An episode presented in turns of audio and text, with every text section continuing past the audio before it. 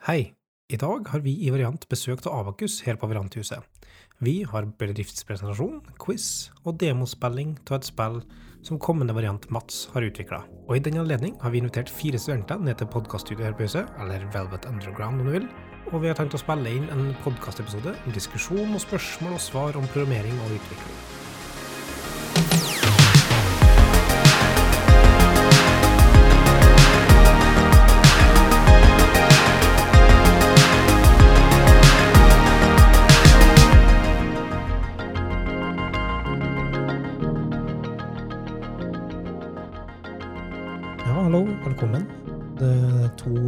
Karer som er klare til å podkaste. Har du lyst til å introdusere dere sjøl?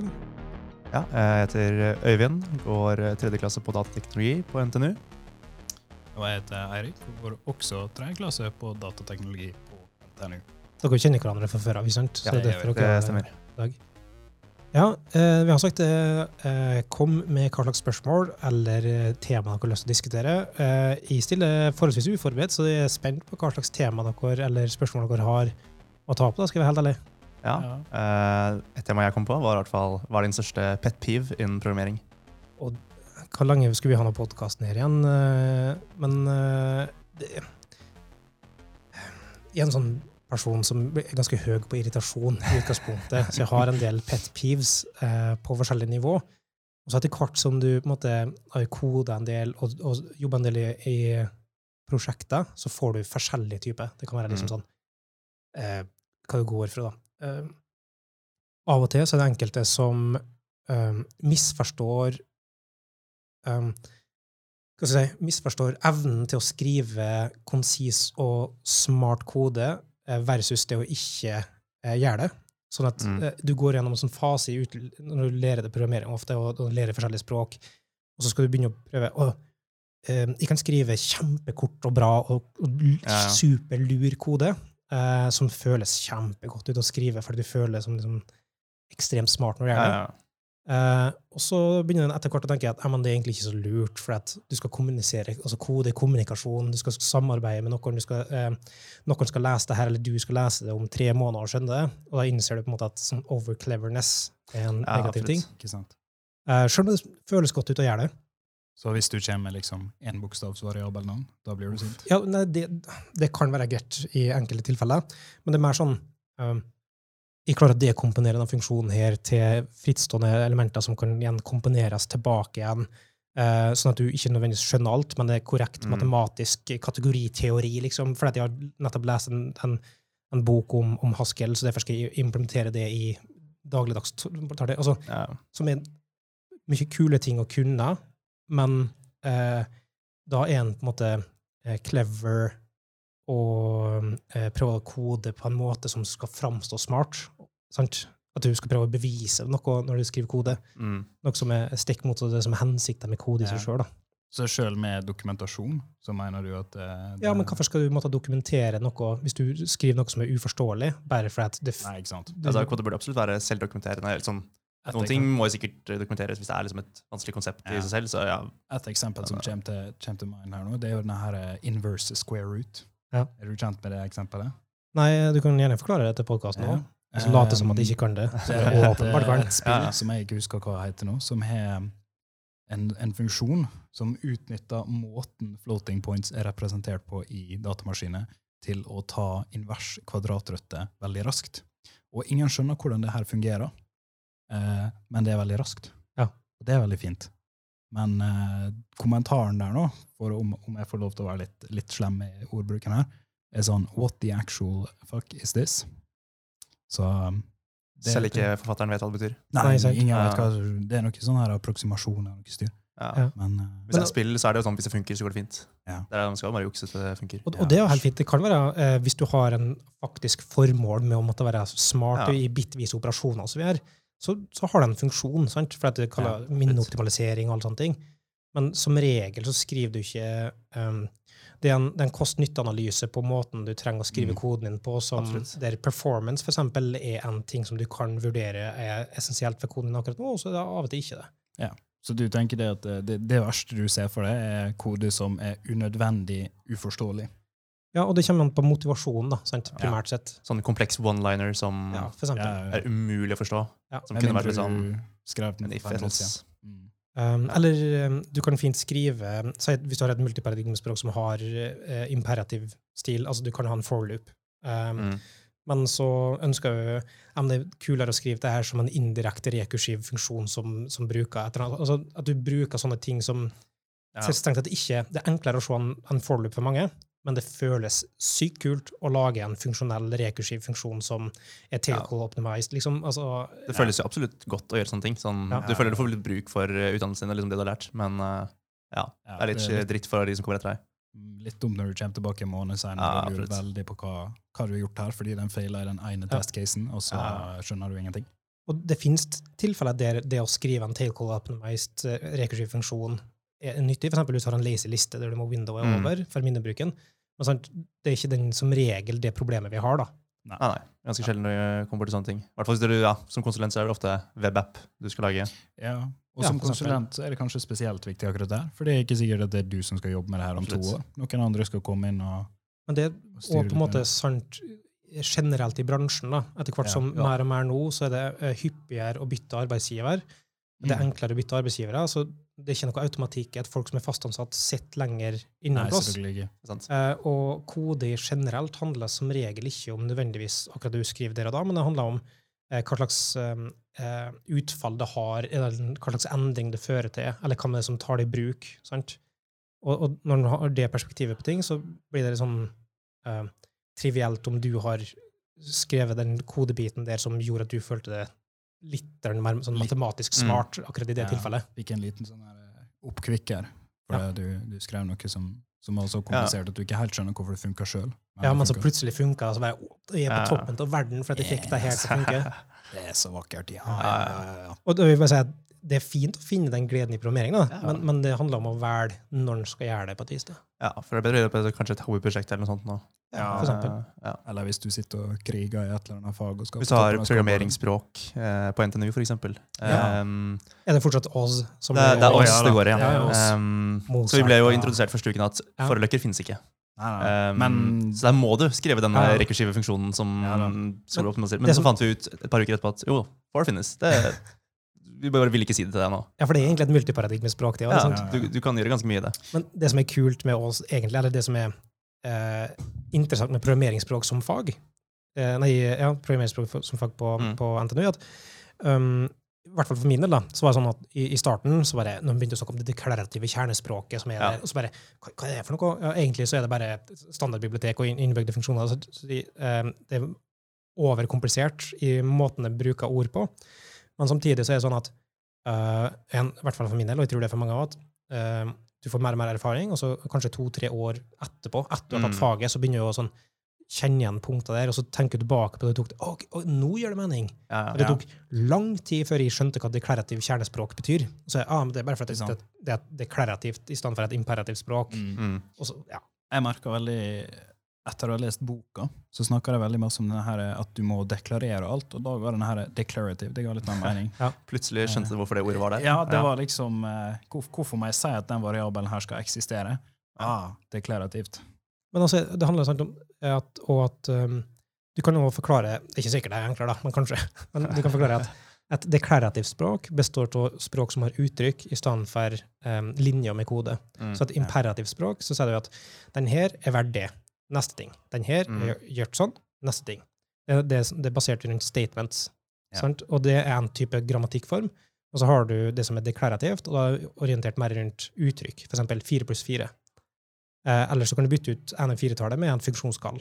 Og det er den samme uttrykk, den verdi det også. Så det er orientert rundt verdier som du sender som funksjonsargumenter. Og så er det oppbygd på den måten i stedet. Og da er det deklarativt. Som Mm. igjen er sånn um, ja, men Hvorfor skal du begynne å, å, å omtale det bare som det er et deklarativt språk, uten å forklare hva er konsekvensene i grammatikken? Ja.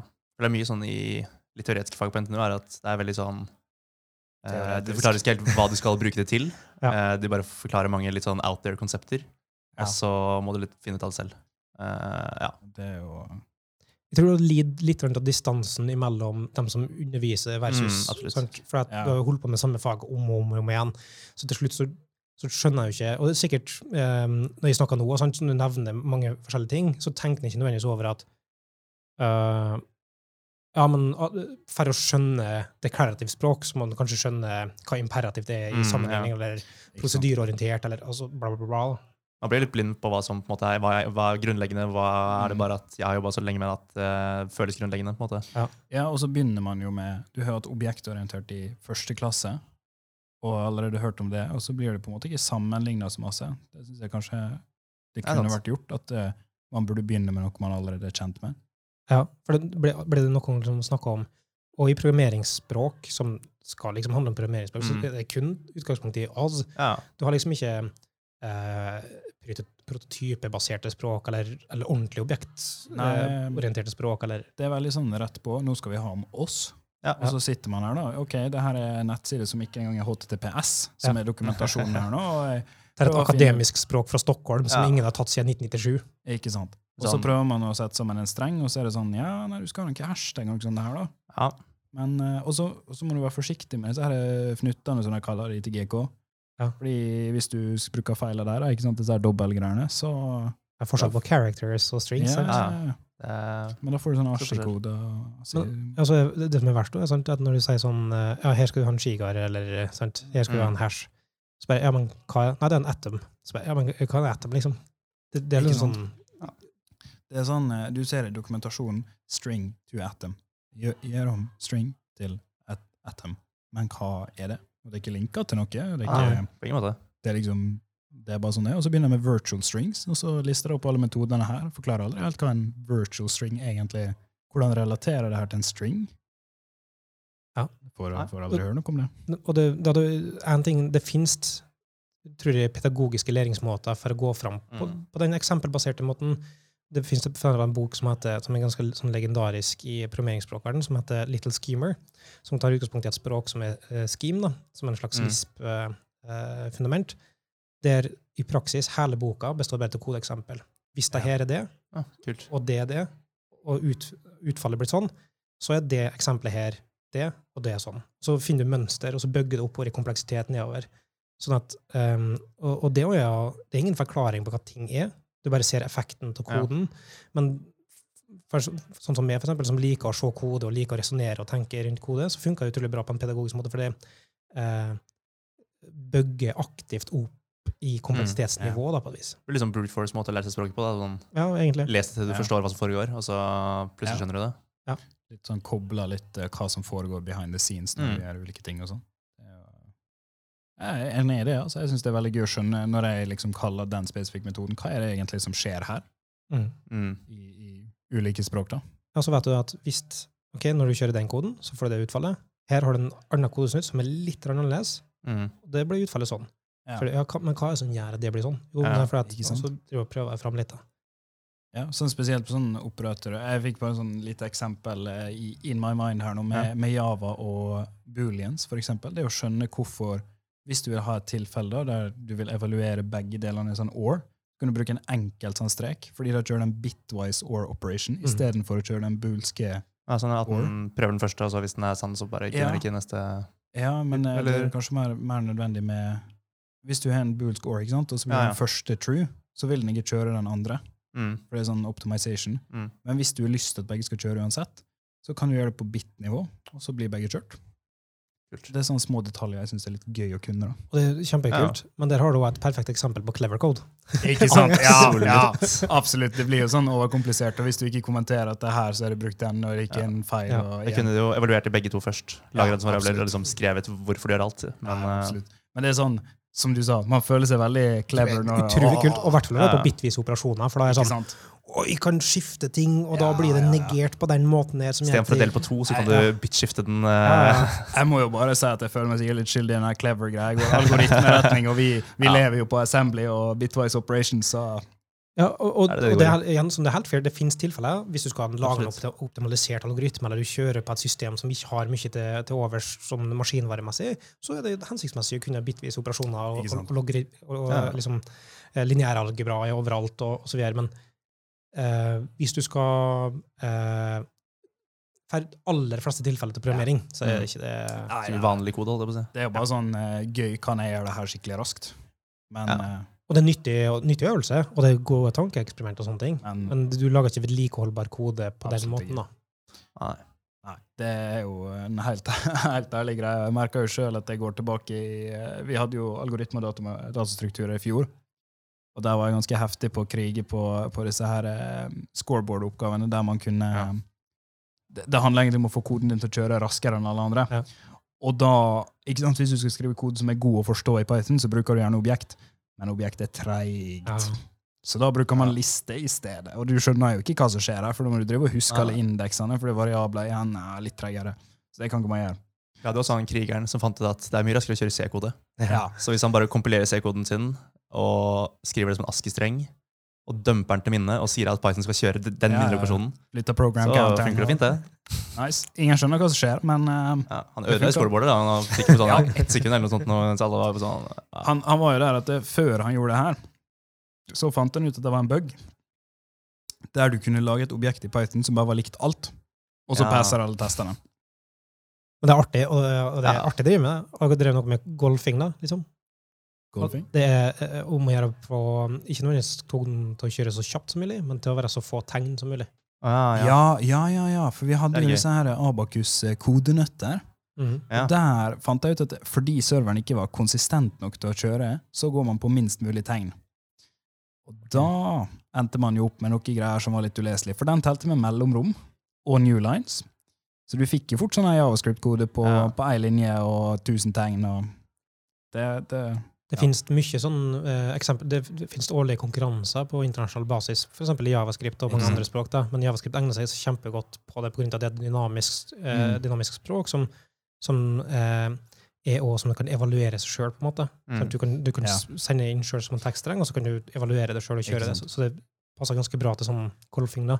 Mm. Men der er det folk som har implementert Uh, Enten så er det Du har to forskjellige konkurranser, jeg tror det er 13K og NK. Der, jeg tror det er noen som har reimplementert eh, Quake 3 liksom, på NK, Javascript og sånne ting. Ja. Helt ville Sykt, tendenser i eh, ja, Da er ikke mye lesbart. Da sitter du med den refactor. eh, Ja. Du kan bare slenge inn en sånn brainfuck-kompilator, eller noe sånt, da, så får du liksom bare parenteser og sånn. Som regel så har de to versjoner, det er en ting de har, og så skriver de en kompilator for Ja. å kutte ned Ikke sant, til dem. ja. Kutte vekk mellomrom, kutte vekk variabelnavn og Mm. og alt. Og så handler det om å finne liksom smarte måter. Og da er vi inne på sånn bitvis operasjoner. Hvis du, Ja. hvis du har en bitvis operasjon i, i uh, accessoren til det assosiative objektet her, så vil de få minus, og da vil det overflowe, som gjør at de får den teksten der. Altså, det er bare sånn Men da er, du, ting. da er du inne på det du sier igjen. Ingen kommer til å komme tilbake til det her om si en, ei uke og skjønne hva som skjer. Altså, en dag er jo øh, ja. Men, i Jo. det tilfellet, men sant, da er det greit. Da er det tilfellet tilfelle der eh, det å drive sånn sted der er formålet med selve konkurransen. Ja. Så da er, det, da er det fair game, tenker jeg. Fair game. Ja, Absolutt. enig i den. Det er jo absolutt det. Altså, hvis det er et formål bak det, så skjønner jeg at man kan gjøre det, men hvis man gjør det bare fordi at man føler seg bra, så ser jeg, ser jeg hva du mener. Det blir veldig irriterende når du skal komme etter i etterkant. Og, Ja. Selv om det er du som beskrev koden, så sitter du der og lurer på hva, hva skjer her. Ja. Det var et eh, langt svar på spørsmålet. Ja, men, eh, Vi rekker et eh, lite spørsmål til, kanskje, hvis dere har Ja. det. Eller så kan vi ja. Jeg stilte veldig uforberedt her. Jeg tenkte jeg skulle bare komme og slenge meg på Bare slenger deg på med alle mine spørsmål. Ikke at Ja, jeg har noe jeg særlig flere det. spørsmål, men, uh, Men du kan jo svare på ditt eget spørsmål, da. ja, hva min største pet peeve er. Um, jeg kommer selvfølgelig ikke forberedt på mitt eget spørsmål. Um, for tiden så er min største pet-piv debuggeren i Eller debugger og debugger. Um, programmeringsspråket Ås. Ja. Um, for hvis du um, er så uheldig at du skriver noe feil der, så er det er ganske e sånn um, twistpose hva du får av feilmeldinger. Ja, ja. Det kan være um, expected end of file. Den er en klassiker. Ja, men den er typisk ikke engang der det skjer. Nei, nei, på ingen måte. For Den er jo der du skriver deklarasjonen av det. Ja. Så du sitter der. Men da, eh, den jeg syns er best, er jo at det er jo faktisk en feature i språket, er at uh, hvis den ikke har en verdi, eller noen sånne ting, så venter den bare til den kanskje får en verdi fra et annet sted. Ja. Så hvis du har gjort en eller annen feil, så bare skjer det ikke noe. Og så vet du ikke om du bare bruker lang tid. Har har jeg skrevet en veldig ueffektiv algoritme? Hva, hva skjer? Så må du ja, Så du venter, da. sitter og venter, da. Håper på det beste. eh, Kopp min- kaffe. Ja. Ja, ja. Min debugger det her, jeg kom frem til at det er bare Ok, da lukker vi det, og så tar vi vekk kodet helt til det funker. Ja, Og absolutt. så, og så finner man ut hvor problemet er, da. Med den her EOF-godsaken. EOF-godsaken. Ja. For det er jo typisk Ser du du skal ha litt lengde på det her med disse her oppgavene. Det blir jo bare lengre og lengre. Og så skriver man liksom alle deklarasjonene i en sånn local greie på toppen, så er det der du får den end of file-feilen. Ja. feil, og da sitter du der litt, eh, litt sånn ja, 'Det her funka jo for to sekunder siden.' Ja. Men uh, som sagt, altså Det er kjipt å gå gjennom det, og jeg husker det var ekstremt irriterende. Ja. Men eh, eh, i hvert fall sånn som det var med, to-tre år etterpå, så er Absolutt. Når det så- Så nyter jeg det og minner. Ja. ah, Nei, når det funka, så er det veldig kult. Ja, jeg Det synes jo- det største problemet er jo bare at det er et såpass uh, lite Hva skal man si? Brukt. Eh, lite brukt. Ja, lite, mm, det er ikke noe særlig lett å søke opp feilmeldingene du får. da. Eh, det er ingen som har hatt de pro eller mange som har hatt problemene, men ingen som kanskje har hatt eh, kompetansen til å kunne svare noe særlig til andre om det.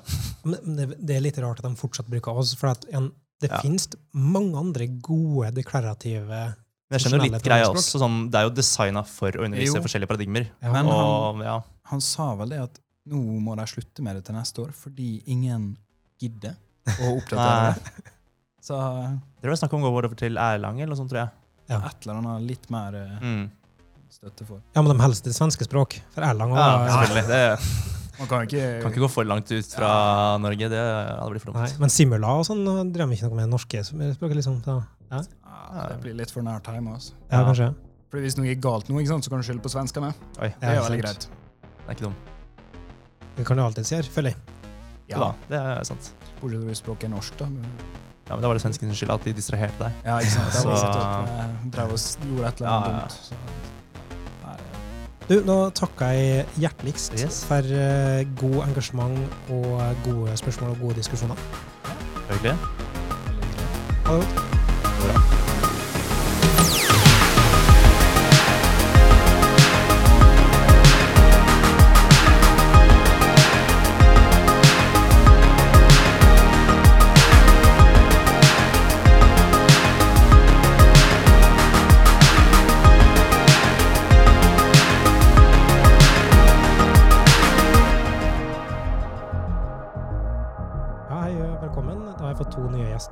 Lyst til å introdusere dere sjøl.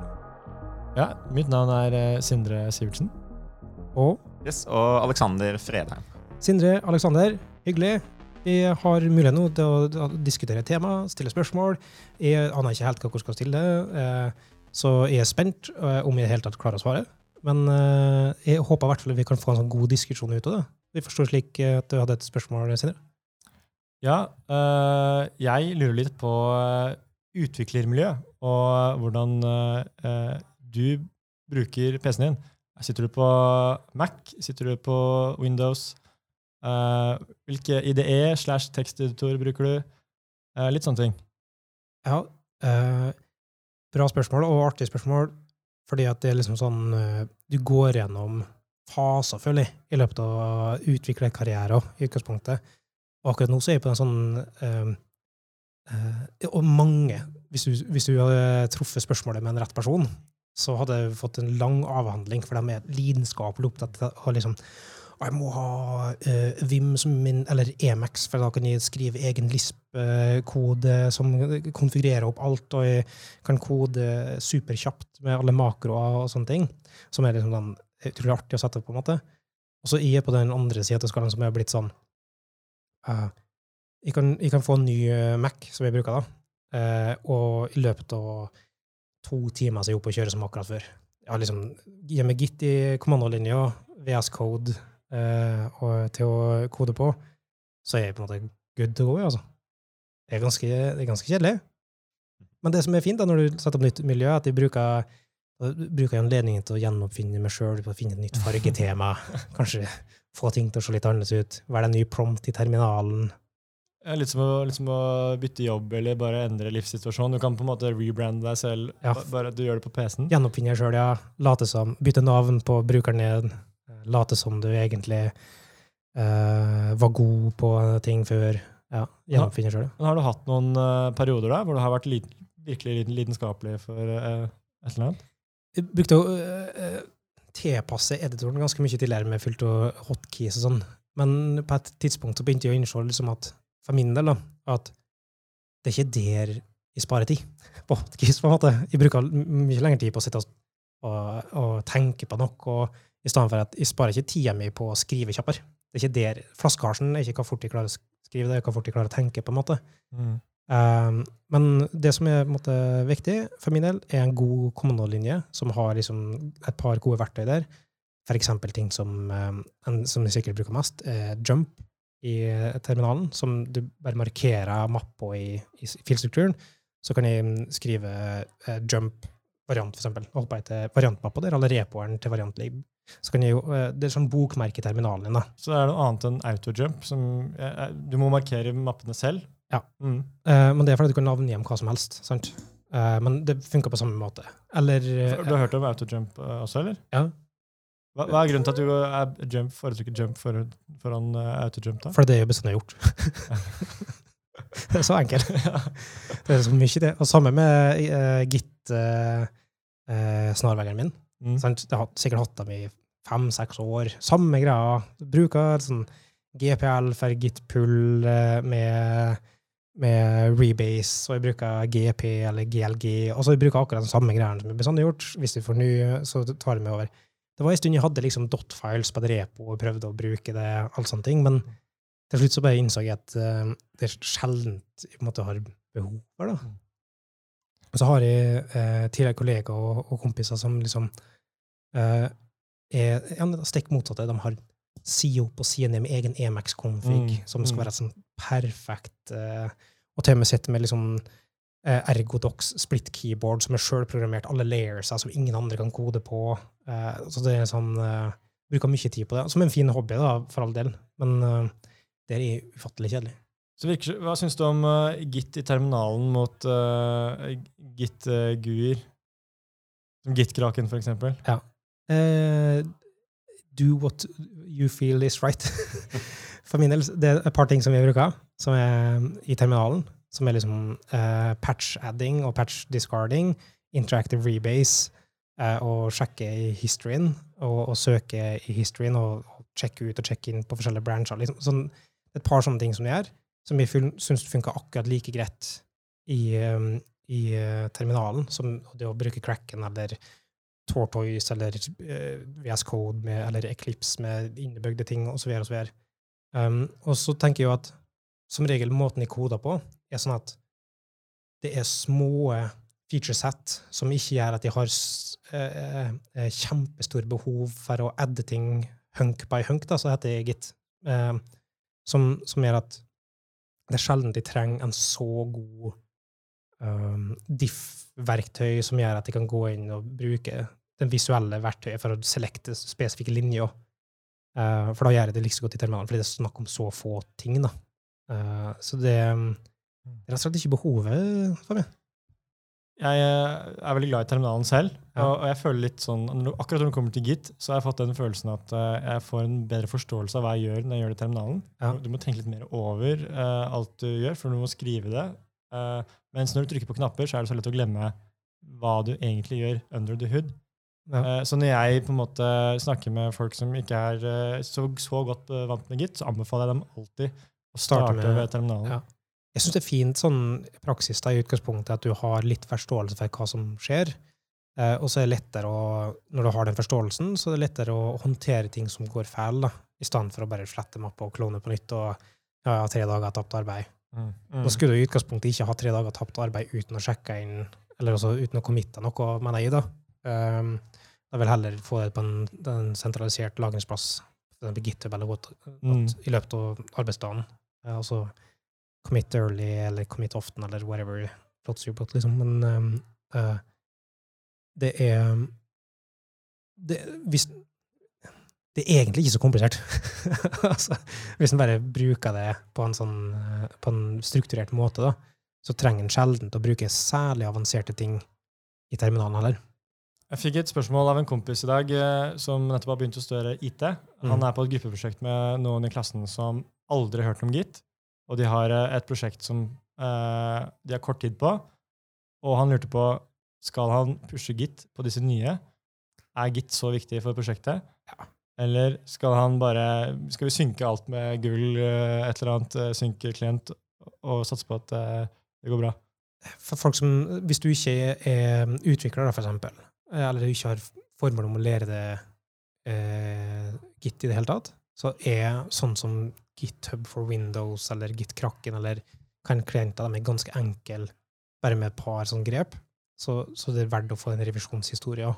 Eh, og så hvis du er utvikler eh, og er ny innen IT og sånne ting og skal jobbe med det, så er det per nå og det kan hende at folk er uenige med det, men sånn som Mercurial som alternativ til Git sant? Det, det er egentlig ikke Git er bransjestandard.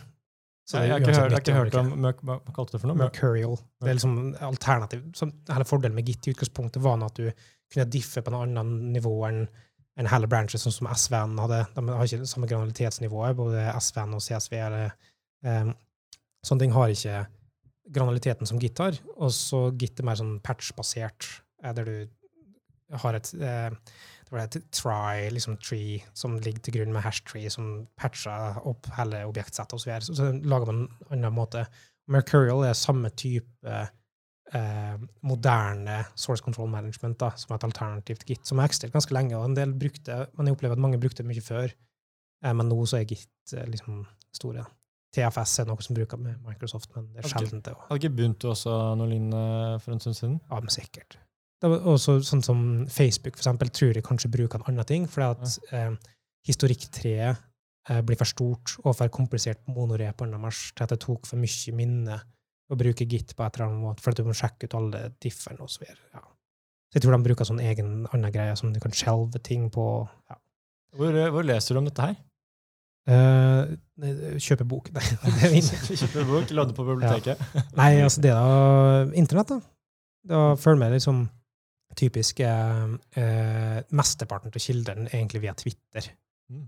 Der du får liksom mest på utviklingssida. Egentlig, i hvert fall i, da. Til og med det med at uh, Facebook uh, ikke brukte Git fordi det ble for stort.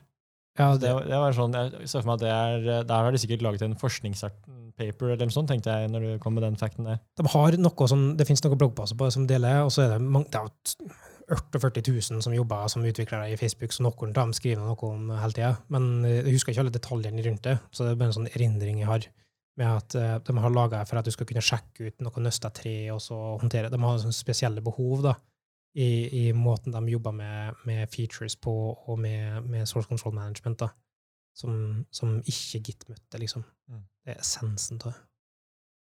Alexander, hva tenker du om Git?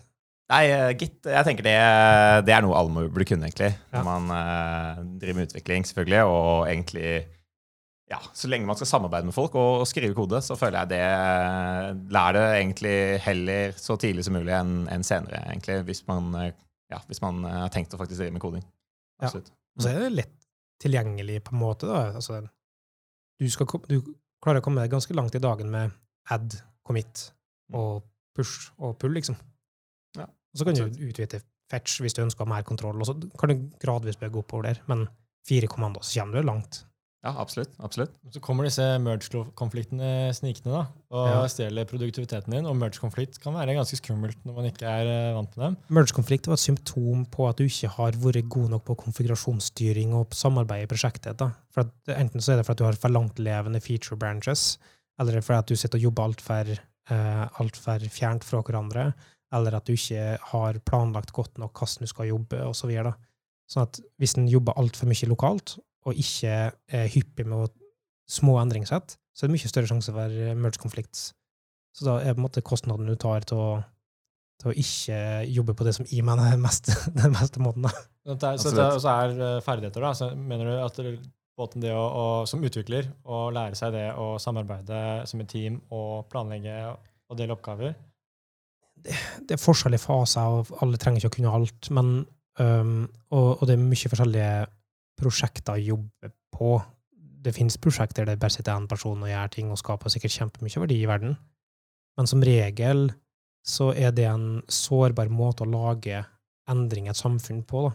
Og det er egentlig et kode og, og, og sånn handler om for min del. Det, det handler om en, den, et verktøy for å oppnå en eller annen effekt som du skal, enten det er sånn, digitalisering eller modernisering, eller du skal lage system for håndtering av pasientregister, eller du skal få noen til å komme seg fram på, på natterstid. Altså, det alle slags mulige ting som du ønsker å påvirke samfunnet i, enten det er internt med administrativt system for noen på et kontor, eller det er å lage operasjonsmaskin. Altså, alt mulig handler om du oppnår en effekt.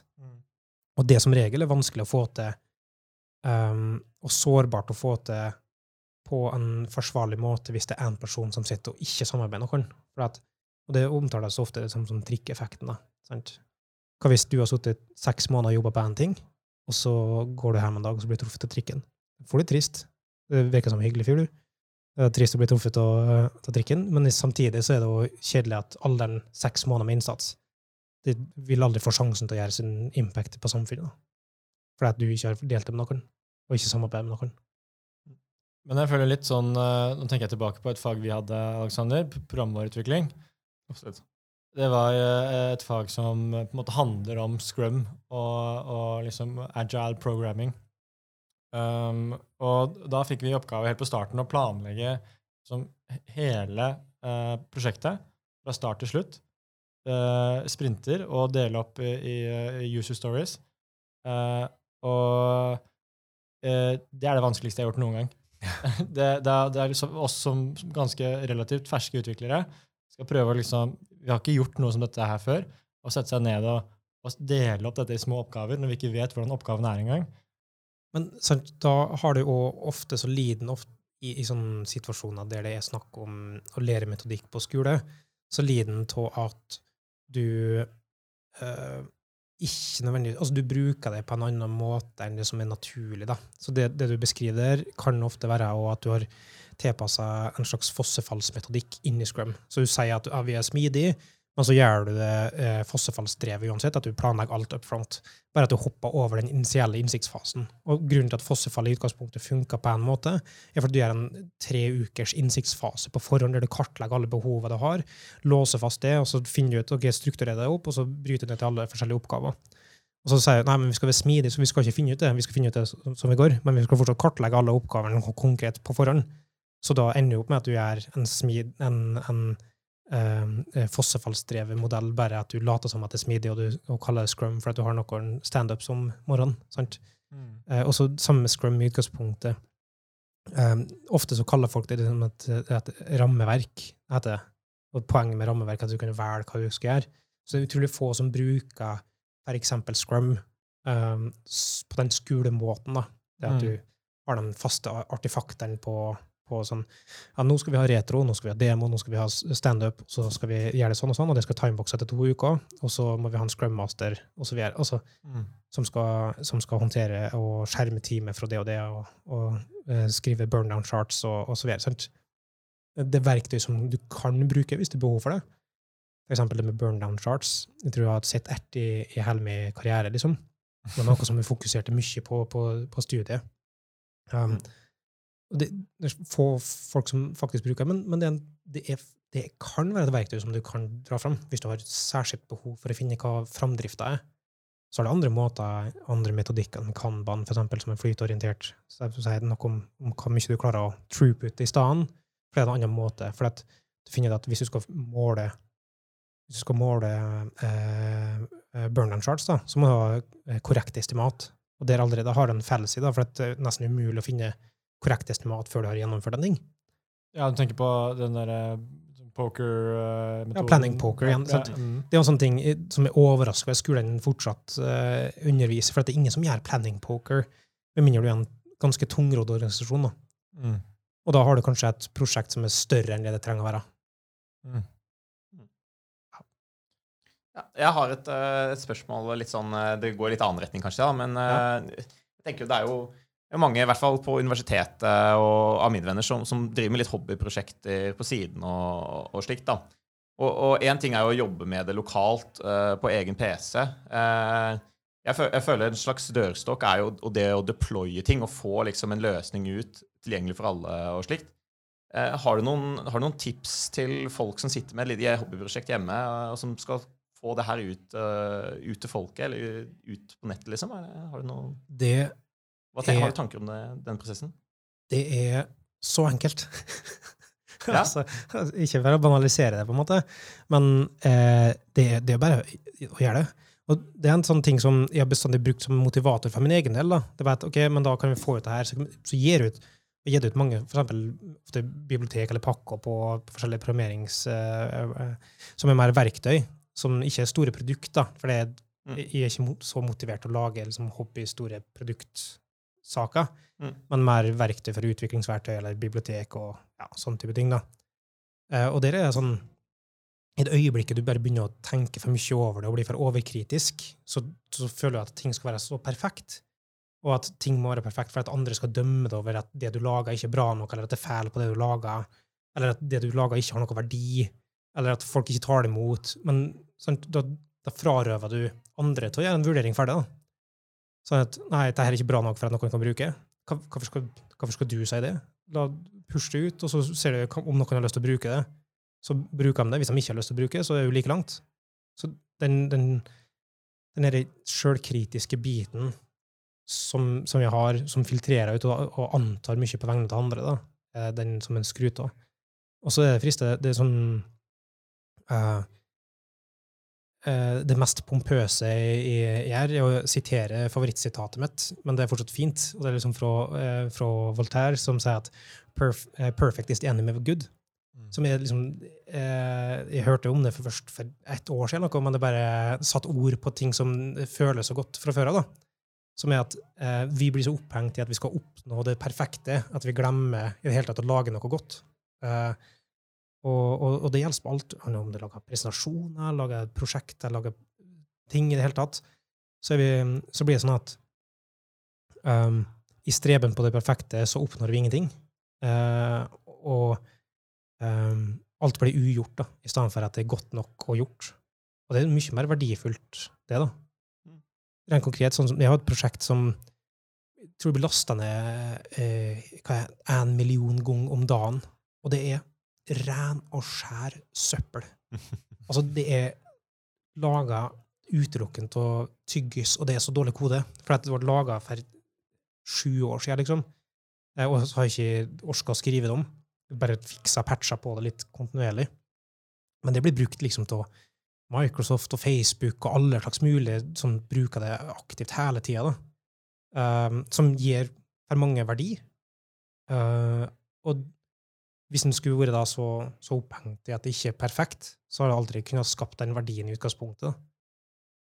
Ja, jeg vet ikke om du svarer, men Ja, nei, det, det er jo absolutt en, en ting å tenke på det. Når man eh, ja, har, har jobba med noe, så og det å få den tilbakemeldingen fra andre også, det tror jeg er utrolig verdifullt. Det, det er lett å bli sittende litt i sitt eget hode når man sitter da lokalt på sin egen PC og, og, og, og, lager noe, noe greier. Da. Så det Men også vil jeg ja. si at det, det er helt fair å lage noe som du aldri gir ut, da, hvis du finner motivasjon i det. Um, men samtidig så er det en annen motivator med å få andre til å bruke det, for enkelte, som kan være fint. Og da kan det også skape verdi for enkelte. Det er ikke sånn at det finnes for mye ting ute i verden. Sant? Det, mange mener det at eksempel i, i fronten-verden. så driver man ofte og snakker om generelt all teknologi, snakker om tech fa- fatigue, som er at det, det kommer så mye teknologi at folk klarer ikke å følge med på det. Men det er bare å ikke følge med. Altså, det er bare å velge hva du har lyst til å følge med på. Altså, det, det finnes aldri nok kunnskap eller nok erfaringer. De kan bli av og til litt vanskelig å filtrere ut, men det håndterer vi på en annen måte enn at uh, du slutter å gi ut ting, liksom.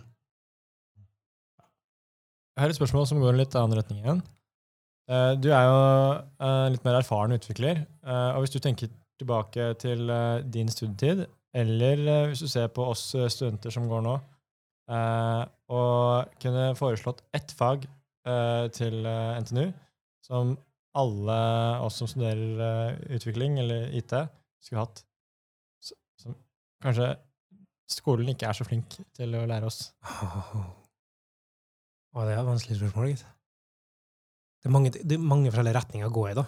Ja. Og så en annen ting er at jeg tror skolen faktisk har blitt bedre siden jeg sist gikk der. Sånn, eh, når jeg gikk der, og var ferdig i 2013, så var det ikke noe som handla om eksempel eh, hvordan lage gode eh, brukervennlige grensesnitt. Faktisk ikke på den tida. Altså, å tenke på universell utforming, eller å lage robuste systemer som er ute mot grensesnittet. Da. Det handler mest om algoritme og alle sånne ting. For det har vi jo nå. Ja. MMI kaller vi det for. Menneske Jo, men det er, på, at, det er på en litt mer på overordnet nivå, ikke det? For det fantes noe sånn MMI, men det var liksom aldri å lage gode eh, eh, eksempel webapplikasjoner. Mm. Eh, men det, jeg, jeg tror det finnes nå, da.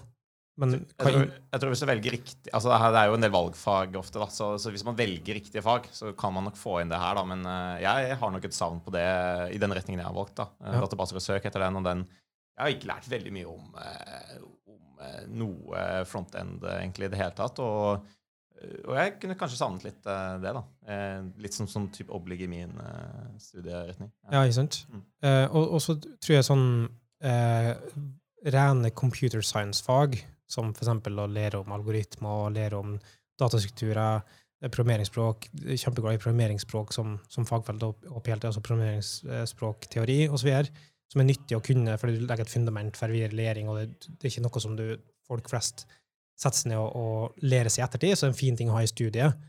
Men samtidig så eh, eh, er det, føler jeg, oppfatter jeg fortsatt for lite det å ehm, ta kompleksiteten av å lage gode system for folk som folk kan bruke av alle slag, er fortsatt mangelvare, eh, er min oppfatning, da. Så kan det hende at eh, det finnes bedre løsninger for det nå, da. Um, men i de siste fem åra, eller for fem år siden, så var det en sånn en fase, kanskje litt lenger, da, en fase i utviklingsbransjen generelt, som fra mitt ståsted, som handla om at eh, nå skal vi ta fronten på alvor, på en måte. Altså, vi anser det som et eget komplekst fagfelt som trengs folk som jobber på det strukturert, i stedet for at det blir sånn venstrehåndsarbeid som noen som egentlig er interessert i noe annet gjør, eh, og, og bruker, og så blir det liksom, resultatet blir som det blir. Vi tar ikke utgangspunkt i behovet, tar ikke utgangspunkt i eh, å, å gjøre det eh, lett tilgjengelig for folk. Vi bare gjør det som en nødvendighet. Og den, den fasen er på en måte over med generelt i utvikling ute i samfunnet. Nå er det kjempemange folk som jobber med det, og bruker utrolig mye computer science uh, i å få til gode ting på for frontend, og, og mange, mange smarte folk som jobber på det. Um, men så tror jeg fortsatt at en del studier henger etter, da. Og sånn er det litt sånn typisk. Igjen, da går undervisning Scrum fortsatt, som Ja. folk flest er litt ferdig med det.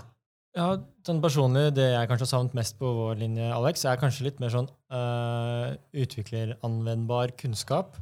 Litt sånn uh, uh, grunnleggende kommandolinje.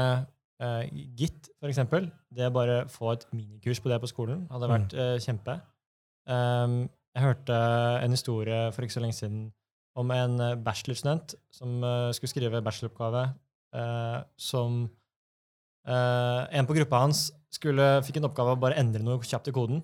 Eh, så måten han gjorde det på, var å åpne Explorer, eh, sånn filbehandleren til Windows, navigere seg fram til mappestrukturen til kodeprosjektet, åpne filen i Notepad, og en, gjorde endringen der. Eh, og det var sånn han skrev kode. Han hadde ikke fått med seg at det fantes ideer eller, eller teksteditor, fordi skolen ikke hadde noe, noe fag eller noe lignende som gikk på akkurat det. da. Eh, og, og sånn sett så føler jeg kanskje at uh, det kunne vært litt, mindre, litt mer fokus på, på anvendbar kunnskap, og ikke så teoretisk alltid. Mm. Ja, det blir sånn uh, blir ofte færre fokus på det teoretiske, og så blir det overlatt til når du starter i arbeidet til å ta det, det ikke, uh, ikke teoretiske, da, som kan være på en måte fint, men du kan få et bedre utgangspunkt kanskje når du starter i, i, i arbeidslivet. Da har vi uh, kommet til veis ende, dessverre.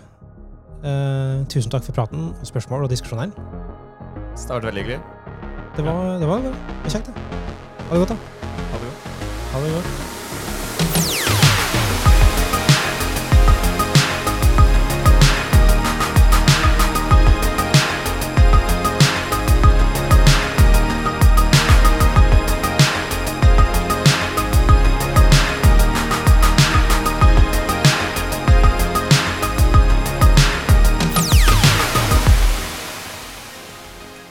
Det for i dag.